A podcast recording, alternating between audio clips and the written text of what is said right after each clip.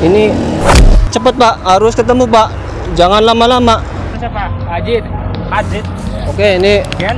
Paling. Kang Bonar mau iya. Ajit. Nah, Ajit. siapa namanya? Ajit. Ajid. Iya. Ajid, Bapak Paling. Waling, Bapak Rasta. Rasta. Iya. Bapak Ran siapa, Pak? Watma. Watma. Iya. Oh, Bapak Watma. Sampean, Pak? Arsudi. Bapak Carsudi. Oh, karena Kang Bonar ini sudah ngucap katanya. Jadi langsung akan dimediasi ini kodamnya. Ada nggak yang cocok ini yang mau?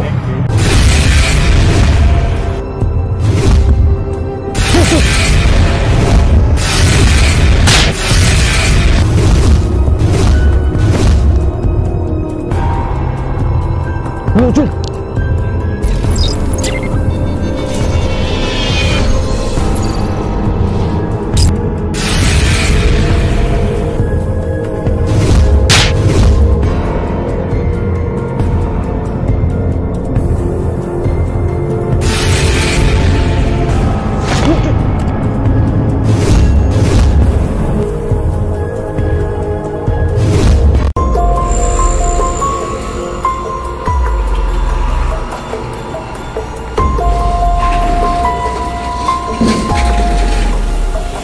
Assalamualaikum warahmatullahi wabarakatuh.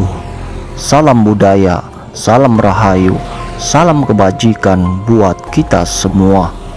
Kembali lagi di tayangan segmen misteri All in One Indramayu Sebuah segmen khusus untuk mengungkap jejak sejarah masa lampau penguasa gaib sebuah tempat serta penarikan benda-benda dari gaib secara real berdasarkan versi tim misteri All in One Indramayu. Ingatlah, sesungguhnya Allah Subhanahu wa Ta'ala tidak hanya menciptakan alam bangsa manusia, tetapi Allah juga menciptakan alam-alam lain. Di antaranya adalah alam bangsa jin yang berbeda dimensi, tapi bisa berinteraksi yang tak kasat mata tapi bisa diajak bicara yang tak masuk akal. Tapi bisa saling mengenal dan hidup berdampingan tanpa saling bertabrakan. Pada video kali ini kami akan mengungkap sejarah masa lampau dan makhluk gaib yang menjadi penguasa kali cilet yang menjadi titik perbatasan dua kecamatan di Kabupaten Indramayu yaitu Kecamatan Losarang dan Kecamatan Kandang Haur. Sebelum kami mengungkapnya, apa kata warga sekitar mengenai hal mistis yang pernah terjadi di sekitar lokasi Kali Cilet ini? Ning kali kian. Ora ibu mairanang tapi wong majare ku mekonon wadah Apa? weru. Apa aja? Ya bu jare wong pada kada ibu mau ora ya yang penting aja ganggu Iya, jare kandang-kandang wong priyon. Ya wong putih, je wong pocong je konon. Oh, akeh putih pocong. Iya kene kersem ke jare. Oh, ning kiasem kini.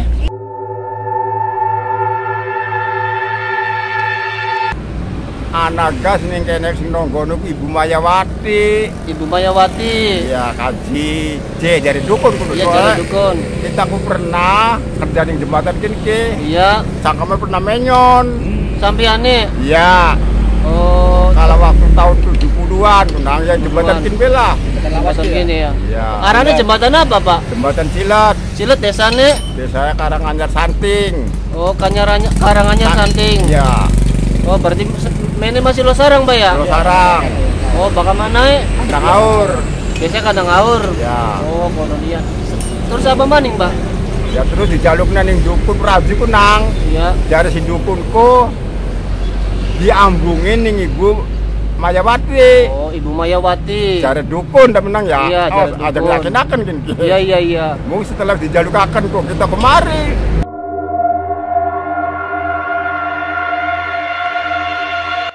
Apa, Pak? Ngene pribadi ngene. Pengen aku cari wong tua aku anu. Apa ya? Pak na ronggeng pak sore aku. Oh, ronggeng. Iya. Ana ronggeng nih kan. Ya, aku zaman pengen aku cari wong tua aku. Oh, iya iya. Mati duduk wong kene ane mah. Oh, Mati di pendemen kono kok. ana mak baru ya. Ah, Ana mak baru ana kuburan ya. anak Ya kan si Oh. mau kah? Oh, kan. Jasmine kah?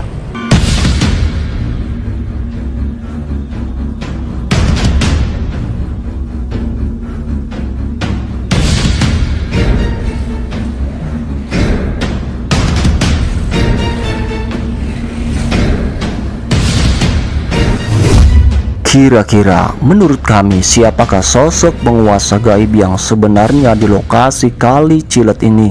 Sebelumnya perlu diketahui bahwa setiap tempat yang memiliki kali besar bisa dipastikan ada banyak sosok makhluk gaib yang bersemayam di lokasi tersebut. Namun setiap tempat pasti memiliki ketua atau penguasanya. Kira-kira siapakah penguasa Kali Cilet Indramayu ini? Untuk mengetahui semua itu tentunya Kang Bonar akan terlebih dahulu melakukan mediasi dengan memanggil semua makhluk gaib dan mempertanyakan siapakah penguasanya. Bismillahirrahmanirrahim. Oke, permisi kula lagi nih jembatan apa iki? Cilet, cilet. Cilet perbatasan apa? Perbatasan La- Lasarang karo Kandang Haur. Oh, Kanang Haur ya. Ya, ntar saya ngulas sedikit apa penguasanya sini kata masyarakat nih. Kata masyarakat video masyarakat nih. Kata masyarakat nih, katanya sih angker, katanya sih banyak kecelakaan. Oh, sering kecelakaan Pak di sini, Pak. Sering mobil. Oh, mo- mobil katanya. Ya udah ntar saya mediasi apa yang biasa penyebabnya kecelakaan. Intinya sih pemirsa ya, karena Gusti Allah padahal mah pemirsa. boleh Iya takdir. lah gitu aja ntar apa apa apa ada sosok-sosok yang jahil di sini yang bisa kecelakaan gitu aja saya tanyain ntar ya saya mediasi dulu ya. Oke, kita saksikan untuk mengungkap siapakah sosok penguasa gaib yang ada di jembatan Kali Cilet ini. Benar akan melakukan mediasi terlebih dahulu dengan penguasanya dan kira-kira ada makhluk apa yang pernah atau sering mengganggu?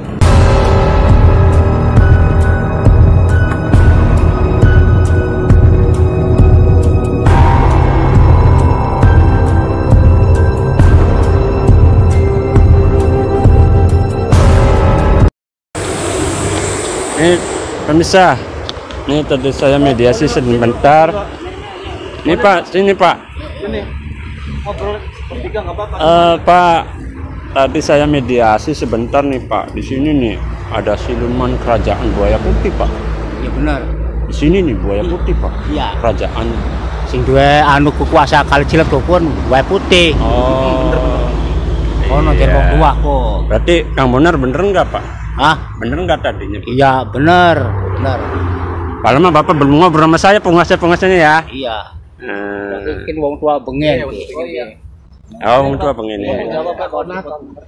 Oh, tadi Pak, oh, bahasa eh, eh, Ini kan bahasa Jawa bae. bahasa Jawa baik. Iya. Bahasa Jawa. Pak, mau kita mediasi gini Pak penguasa eh, buaya putih bener beli Pak?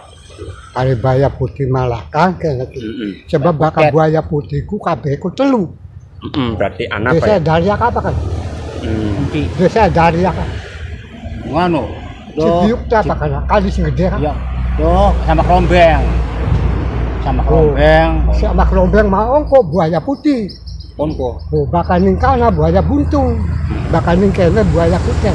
Iya buaya putih tapi tiga bersaudara lah. Iya. Iya buaya kutet. Iya bener lah bener. Itu pemirsa tadi masyarakat eh, ngobrol sesepunya lah ini sesepunya cerita lah. Intinya ntar saya mediasi lagi ada apakah ada pusaka yang mau diambil atau mustika yang mau yang mau diambil ntar saya mediasi lagi pemirsa ya.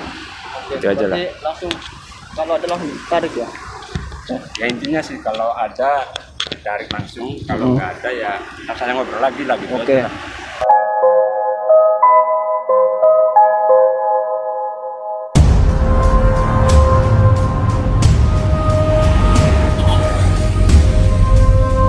Berdasarkan hasil dari mediasi, ternyata penguasa gaib yang sesungguhnya Kali Cilet ini adalah sosok siluman buaya putih.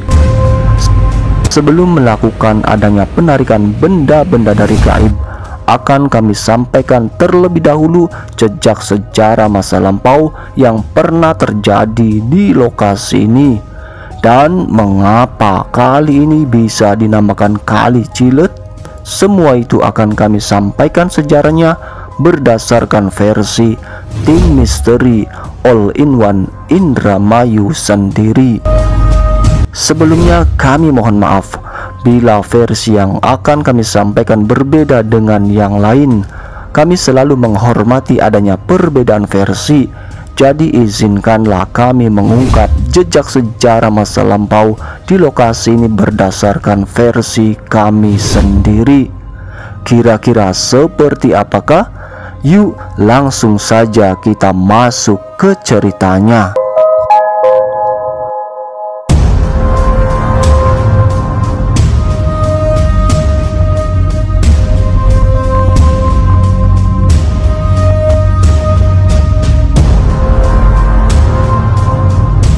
Berdasarkan informasi dari gaib di sini diceritakan pada zaman kolonial penjajahan Belanda kala itu di sekitar lokasi jembatan Cilet yang sekarang menjadi titik perbatasan dua kecamatan antara kecamatan Kandang Haur dengan kecamatan Losarang di Kabupaten Indramayu. Dulunya ada seseorang yang sangat sakti. Beliau bernama Ki Ciledra. Kesaktian Ki Ciledra memang sangat luar biasa Beliau memiliki ilmu rawa rontek dan ajian pancasona. Bertarung melawan pemilik ilmu tersebut bisa dikatakan mustahil bisa mengalahkannya. Pemilik ilmu rawa rontek dan ajian pancasona tentu sangat susah sekali untuk dibunuh karena meskipun tubuhnya dipotong-potong akan kembali ke asalnya dan bangkit hidup kembali. Ki Ciledra yang statusnya sebagai warga pribumi dan memiliki kesaktian yang luar biasa. Sayang sungguh sayang keilmuannya tidak digunakan untuk melindungi rakyat dari ancaman kompeni Belanda. Justru dirinya menjadi antek-antek kompeni Belanda kala itu hanya demi mendapatkan upah dan uang banyak dari penjajah Belanda. Pada saat Belanda masuk ke tanah Indramayu ini mereka yang memiliki banyak senjata bukan berarti mudah tanpa rintangan. Strategi politik yang diterapkannya sering kali berhasil mengatasi masalah-masalah demi sebuah misi ambisinya. Politik adu domba dan memanfaatkan warga pribumi sering dilakukan untuk memuluskan dalam misinya sebagai penjajah waktu itu. Kedatangan Belanda ke tanah Indramayu bukan tanpa perlawanan. Bahkan kompeni Belanda sendiri hampir kewalahan menghadapi pejuang dari Indramayu yang bernama Parmin. Parmin dikenal sebagai Jaka Sembung yang di tangannya memiliki golok sakti yang siap melawan ketika bertemu dengan pasukan Belanda. Pengaruh besar Parmin membuat penjajah Belanda merasa kurang nyaman. Banyak sekali misi yang digagalkan oleh Parmin alias Jaka Sembung, sang pendekar dari Indramayu. Belanda akhirnya mencari orang yang memiliki ilmu tingkat tinggi untuk bisa menghadapi Jaka Sembung. Singkat cerita datanglah Ki Ciledra menawarkan dirinya menjadi antek-antek Belanda yang siap membawa kepala Jaka Sembung kepada kompeni Belanda. Setelah kompeni Belanda mengetahui bahwa Ki Ciledra memiliki ilmu pancasona dan rawa rontek, akhirnya menerima Ki Ciledra sebagai antek-antek Belanda untuk menghabisi sang pejuang dari Indramayu yang dikenal sebagai Jaka Sembung tersebut. Kompeni Belanda menyuruh Keciledra untuk membunuh Jaka Sembung dan membawa kepalanya sebagai bentuk keberhasilannya bisa mengalahkan Jaka Sembung. Belanda mengiming-imingi dengan uang banyak jika Keciledra berhasil membawa kepala Jaka Sembung. Kiciledra pun berangkat mencari keberadaan Parmin alias Jaka Sembung. Setelah beberapa hari dan waktu lamanya, Singkat cerita Ki Ciledra bertemu dengan Jaka Sembung di lokasi Kali Cilet ini.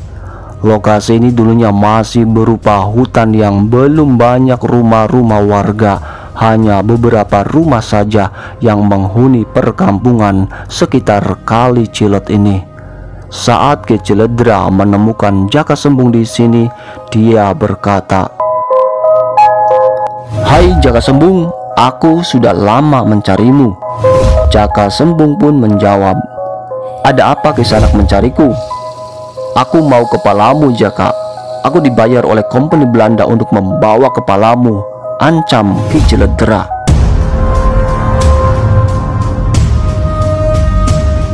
Kemudian dengan tanpa banyak bicara Ki Ciledra pun akhirnya menyerang Jaka Sembung. Mereka berdua pun akhirnya bertarung satu sama lain. Pertarungan yang cukup menegangkan di antara keduanya. Sebenarnya ilmu silat yang dimiliki oleh Jaka Sembung masih jauh di atas dari Ki Ciledra sehingga Jaka Sembung sering berhasil menebas anggota tubuh Ki Ciledra berkali-kali dengan golok yang ada di tangannya. Namun karena Ki Ciledra memiliki ajian ilmu pancasona dan rawa rontek, anggota tubuh yang ditebas oleh Jaka Sembung berhasil kembali menyatu dengan tubuhnya. Hal tersebut terjadi berulang-ulang. Pertarungan mereka berlangsung selama sehari lamanya. Jaka Sembung hampir putus asa dalam pertarungan tersebut karena melawan musuh yang dihadapi susah untuk dibunuh. Jaka Sembung bingung dan kewalahan, dirinya tidak tahu harus bagaimana cara mengalahkan Ki Ciledra. Di tengah kebingungan tersebut, Jaka Sembung akhirnya mendapatkan sebuah wangsit atau bisikan dari gaib bagaimana cara bisa melawan atau menaklukkan pemilik ilmu ajian pancasona dan rawa rontek?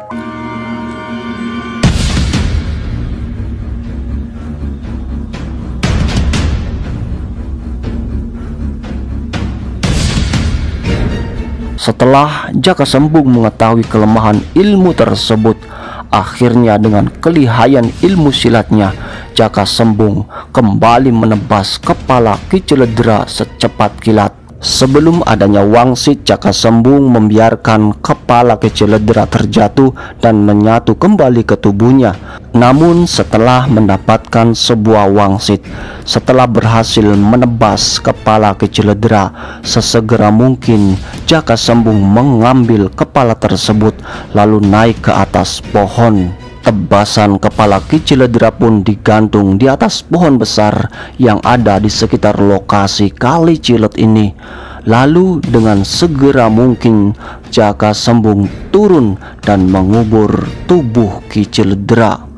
Setelah itu Kiciledra yang potongan tubuhnya terpisah dari bumi akhirnya tidak bisa kembali bangkit lalu dirinya tewas. Kepala Keciledra pun masih ada di atas pohon hingga saat ini.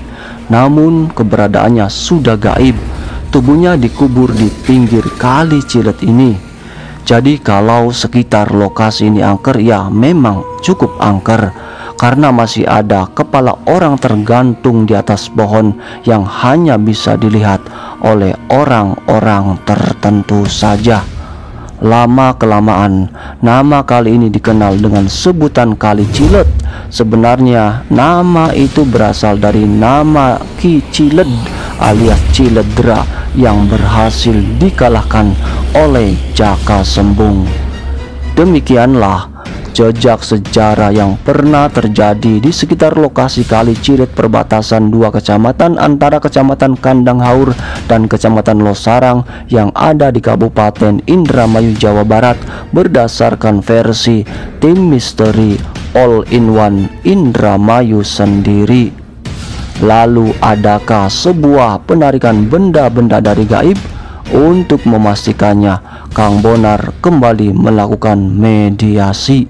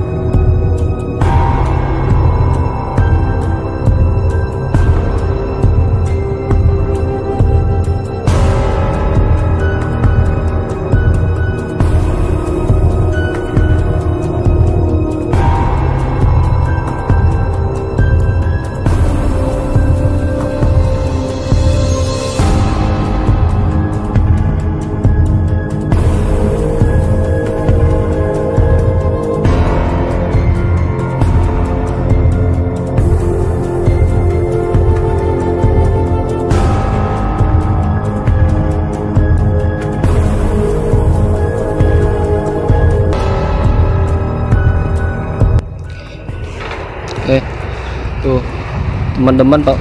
Saksikan ya tangan Kang Bonar itu kosong sama sekali.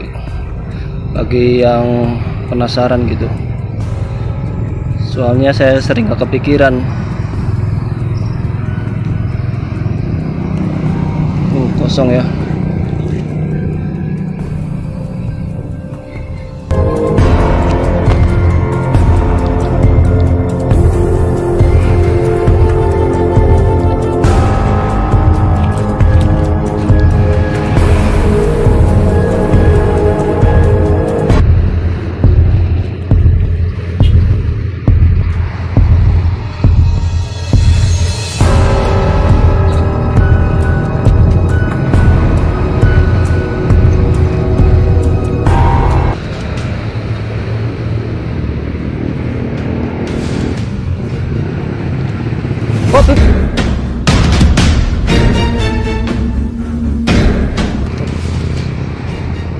Pak, jalur kodongnya Pak ya, jalur kodong gedangnya Pak. Iki.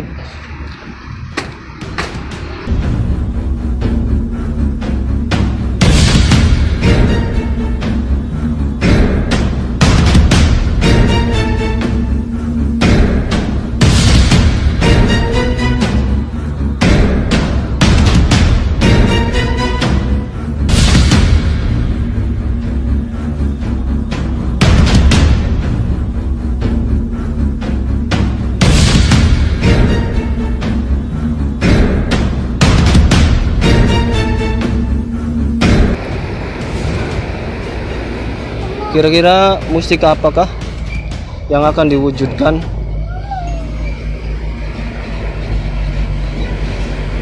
Ini kita banyak yang menyaksikan ya.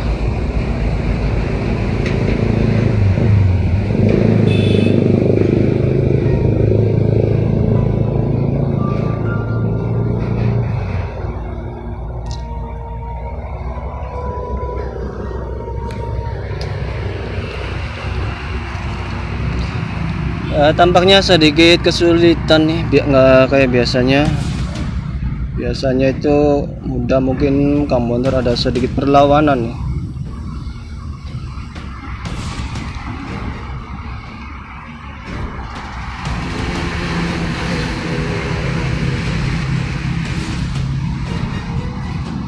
Media anggo masyarakat pak ya bayar tanah ya Oh, gimana Pak? tanah ya ambil ambil kapan real pembayaran roman bapak ya? Oh, ya. Sandi. Yang intinya ki apa gimana Om? Apa ya? Supaya sini ini masyarakat ini lah di Bang Bonar ini kayak konon Oh. Karena ini supaya ngambil masyarakat gitu. hmm. Oh. Bapak warga sini Pak ya asli ya? Iya. Berarti udah bapak sing goleti ya. Sing jukut. ya ada mau kira ya wis. Oke. Jadi media apa kamu tanah?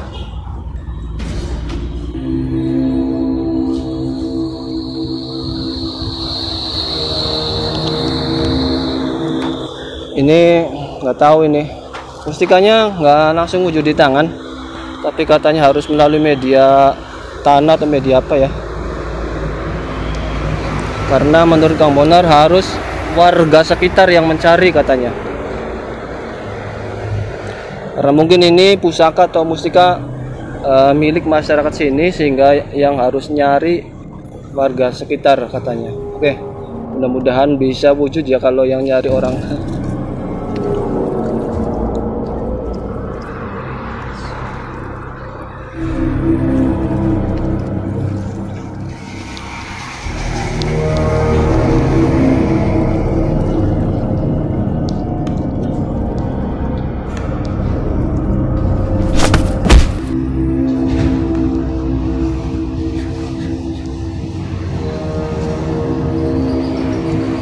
kasih air lagi pak tangan nggak usah Yaudah.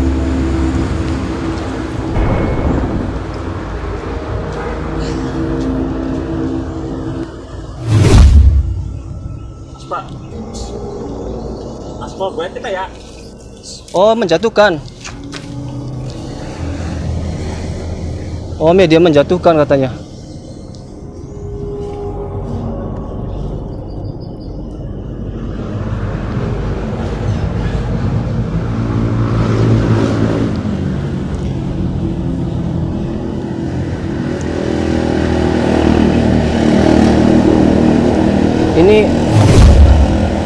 Di mana?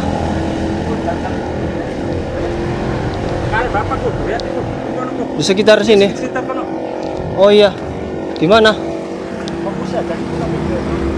Sok. Cari, Pak. Cari, cari, Pak. Ce- cepet, Pak. Harus ketemu, Pak. Jangan lama-lama.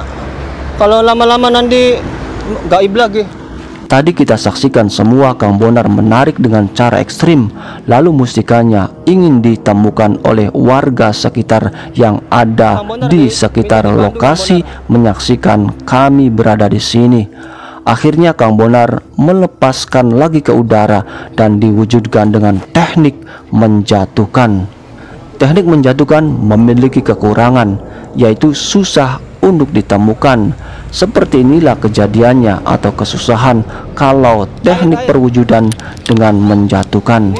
Warga harus mencari dulu dan waktunya tidak boleh lama alias terbatas. Kalau kelamaan justru mustika atau benda-benda dari gaib akan kembali gaib ke asalnya. Kira-kira apakah yang akan terjadi pada proses perwujudan kali ini? Kita saksikan saja.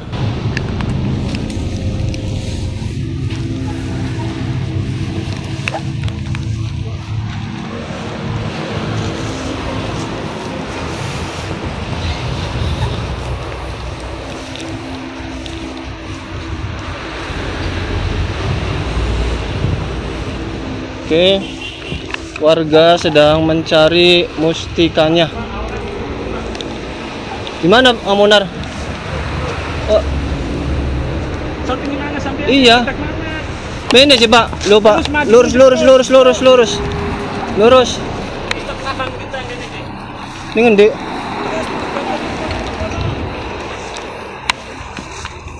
Ning, enggak ini Pak, mana Pak?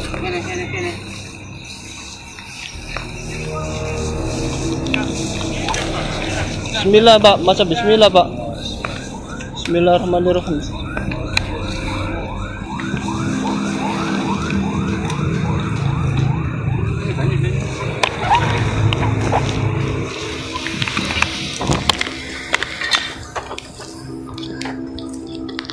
Ya ini. Ini benar. Tadi sudah ditarik ekstrim lalu diangkat lagi kemudian dijatuhkan ya antik lagi nih tekniknya.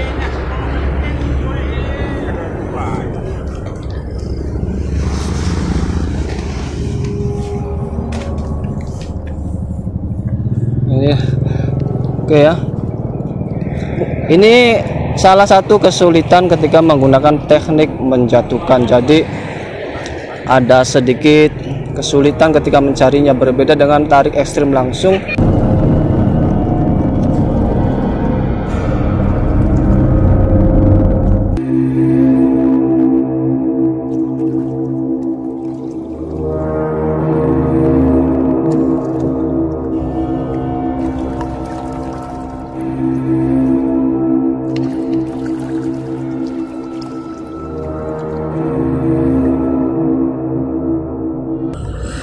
ya inilah kesulitannya teman-teman. Jadi kita itu kalau pakai media menjatuhkan maka Kambonar sangat kesulitan untuk mencarinya.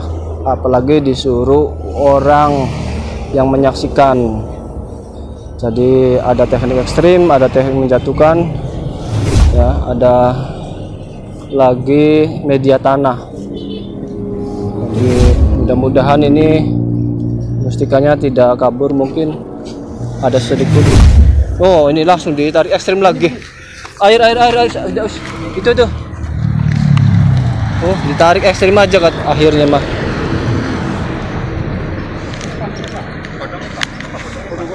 Pak lihat saksikan Pak. Tadi kan udah udah ditatukan tapi ditarik ekstrim lagi nih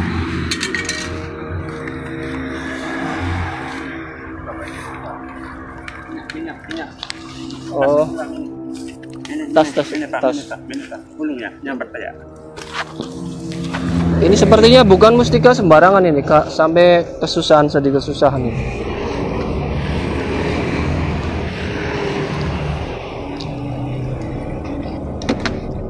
Ya, kelemahannya kalau menjatuhkan kayak gitu ya. Jadi menghindari supaya tidak lepas lagi. Jadi Kang Moner harus tarik ekstrim. Apalagi sudah disaksikan tadi ya, banyak orang yang menyaksikan. Woi, apa itu? Putih. Warna putih ya. Banyu, banyu. Air, air.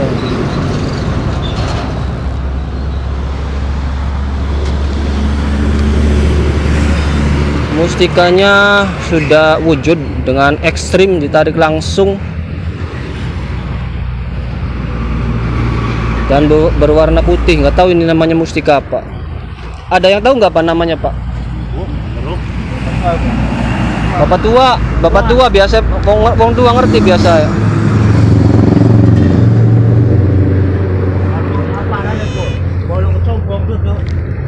Oh, Oh, putih. Watu putih Pak. Bolong.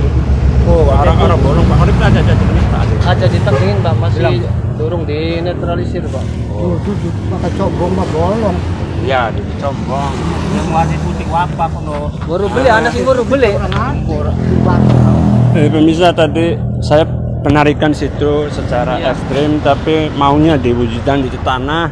Eh, ya dia menjatuhkan disuruh sama warga tarik tapi dianya tetap aja nggak mau di, diwujudkan sama warga. Tadi dua kali saya di- ditarik ke ekstrim lagi tadi tuh. Iya. Sekali wujud ntar bentar lagi hilang pemirsa lima menit tuh kalau seperti ini ini ini aslinya pak Iya, iya. kepunyaan raja sini pak siluman sini oh mit punya buaya putih iya berarti ya mustika buaya putih Iya, Oh. gitu.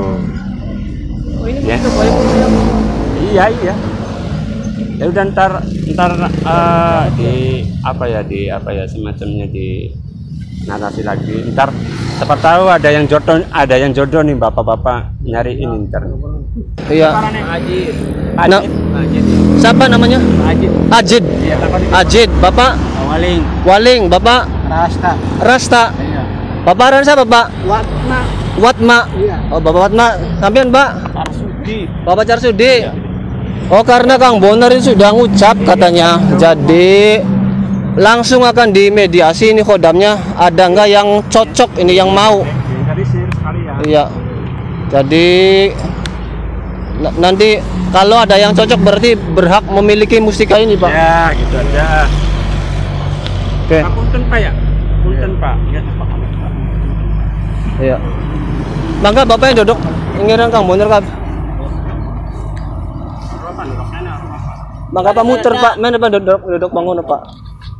Ya sab punten Pak ya sing ora jodoh aja aja kecewa. Ya, jadi jadi aja kesirian. Men men ya.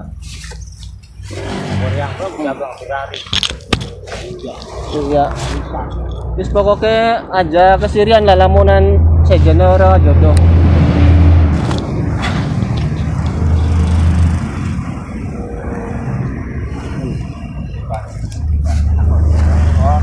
Bakatan si Jojo, bakatan Bang Selasa Selasa Kliwon. Kita ini minyak misi putih pak ya.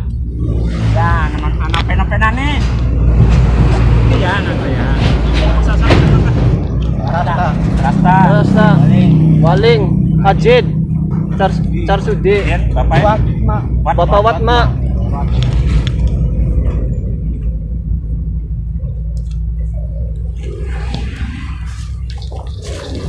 Eh, ini langsung Kang Munar sedang mediasi dengan kodamnya. Barangkali ada yang mau eh, di antara mereka ini tadi ngikutin kita yang menyaksikan pas Kang Bonar mengucap. Jadi kalau Kang Bonar sudah mengucap itu ya harus dilaksanakan gitu.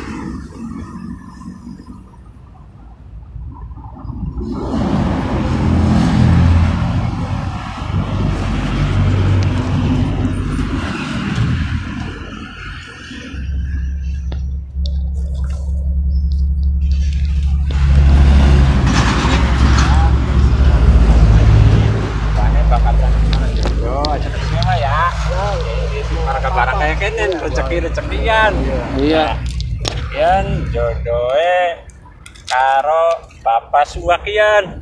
Oh, bagus itu wah. Iya, Bapak Kian. Bapak Wat, Mak. Iya, Bapak Watma. Eh pas konang bapak ngomongnya seneng bapak soalnya bapak ini kono berarti menggawe dan iku kenal gini. Oh, kenal. Oh, iya ta, Pak. Dari dewek mah jual kunci ke bucong ke. Oh, konon. Tuh ke bucong ke. Iya pak cepat, wis pak jodoh bapak ini. Ya maaf maaf ya. Iya, wis. Pantas kono sesek. Iya, iya. Bang, kok baka bengi Selasa di oleh si minyak misik, Pak ya? Baka bengi Selasa. Minyak musik. Iya. Bapak ngerti beli misik pak? Ya, ada yang kayak apa? Misik putih.